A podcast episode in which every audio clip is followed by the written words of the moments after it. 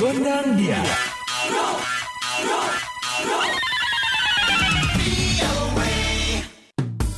Halo halo sobat VOA, kembali hadir VOA Gondang Dia bersama Dewi Gemini. Dan Ronan DC pastinya dari VOA di Washington. Sobat VOA, kali ini ada obrolan bersama Kevinia Rizky yang tinggal di Houston, Texas. Profesinya sebenarnya mompreneur ya. Kami kan mempunyai dua anak remaja sekarang. Um, Uh-uh. Udah lima tahun terakhir ini mereka itu karena maminya kerja gitu ya. Uh, Uh-uh. Jadi harus ikut mami juga at the same time. So they are doing their online slash homeschooling gitu. Jadi at the same time merawat anak, saya juga harus berbagi waktu dengan membantu suami untuk di bisnis aviasi yang kita jalani. Sudah berapa lama jalankan bisnis aviasi ini? Bisnisnya ini dari tahun 2005, uh, headquarternya di Houston dan kita punya kantor di Jakarta juga. Oh, Jadi kita basically mensupport Indonesia dari sisi aviasi. boleh ceritakan? Uh, sekarang ini kita membantu pemerintah Indonesia dari sisi aviasi untuk uh, mendistribusikan BBM uh, lewat udara. Nah kebetulan satu pesawat kami ada di Tarakan, Kalimantan untuk mensupport perbatasan Indonesia dan Malaysia. Di situ kan jalanan juga masih belum ada. Kalaupun ada jalanan, kalau sudah hujan itu kan tidak bisa dilalui uh, dengan truk atau apa pun. Sudah 70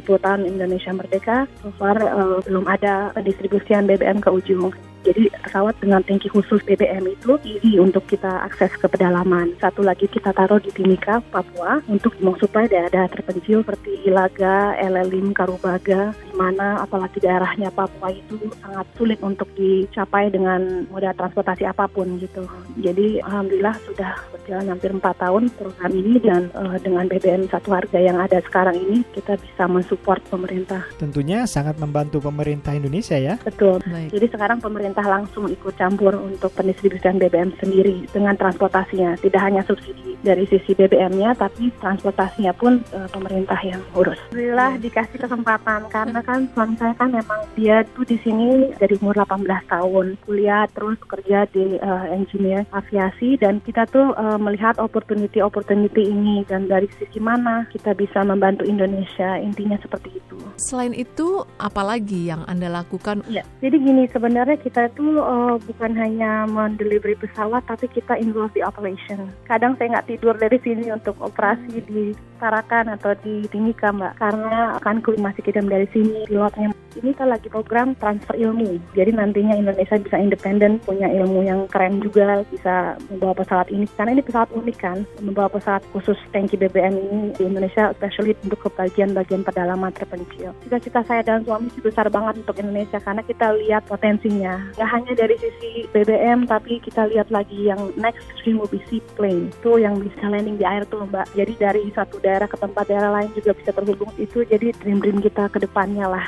Mudah-mudahan itu tercapai juga untuk Indonesia. Amin. Apakah Anda ada usaha lain? Kami ada klien juga di Vietnam, dia juga dari sisi pariwisata. Kebetulan pesawat Cessna yang mereka pakai itu dari Amerika, memang bisa diimplementasi juga di Indonesia seperti mereka. Mereka punya tiga Cessna untuk membawa turis dari Hanoi ke Halong Bay. Itu hanya 30 menit. E, mereka kami support selama ini untuk sisi aviasinya di Vietnam. Kemudian negara mana lagi? Negara Chile juga kami support, tapi itu hanya dari sistem spare parts dan kebutuhan-kebutuhan aviasinya, Mbak. Apakah ada rencana membantu distribusi atau transportasi dalam hal pertanian, kemudian Betul. juga pariwisata seperti yang Anda lakukan Aduh pas dengan banget nih karena pesawat yang kita pakai ini ini kan produksi Texas ya. Iya. Kebetulan kami kan di Texas. Ini nama pesawatnya Air Tractor. Hmm. Nah pesawat ini kita convert untuk khusus mengangkutan BBM yang kita pakai di Papua dan Timika. Sebenarnya pesawat ini asli untuk agriculture mbak. Nah untuk penyemprotan eh, hama ya. Ya betul, untuk penyemprotan harmadu kelapa sawit itu cocok sekali dan itu mungkin our next project untuk membawa ini ke next level istilahnya. Jadi kalau operasi ini nanti di Indonesia sudah berjalan, pesawat ini bisa multifunction,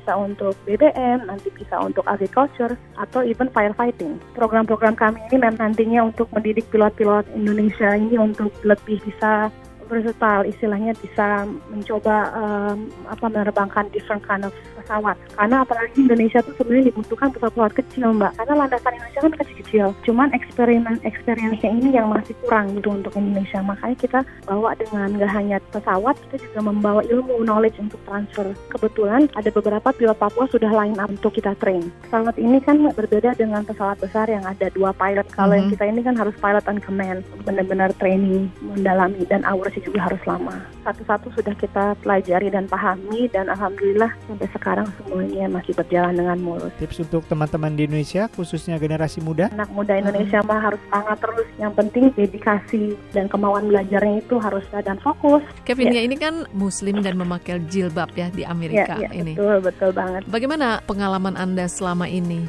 kita tuh nggak pernah merasakan berbeda dengan yang lain atau orang lain menjudge kita jelek. Alhamdulillah itu nggak pernah terjadi malahan setiap ketemu hi how are you? I love your scarf gitu. Mereka memuji kita gitu karena kita sendiri berikan lemparan senyuman ke mereka kalau mereka bertanya juga we educate them what is Islam right Betul. jadi eh, kita sebagai muslim apalagi berkerudung ya kita berarti menjadi duta muslim jadi kita bertanggung jawab untuk menjadi muslim yang baik gitu kan so far ya alhamdulillah sih nggak ada kendala apa pun apalagi di Texas nggak ada 100 masjid jadi kita mau sholat di mana pun insya Allah nggak ada halangan Amin. Assalamualaikum. Waalaikumsalam Mbak. Baiklah Sobat VOA, semoga obrolan hari ini bisa bermanfaat ya. Kita pamit. You dadah, bye-bye.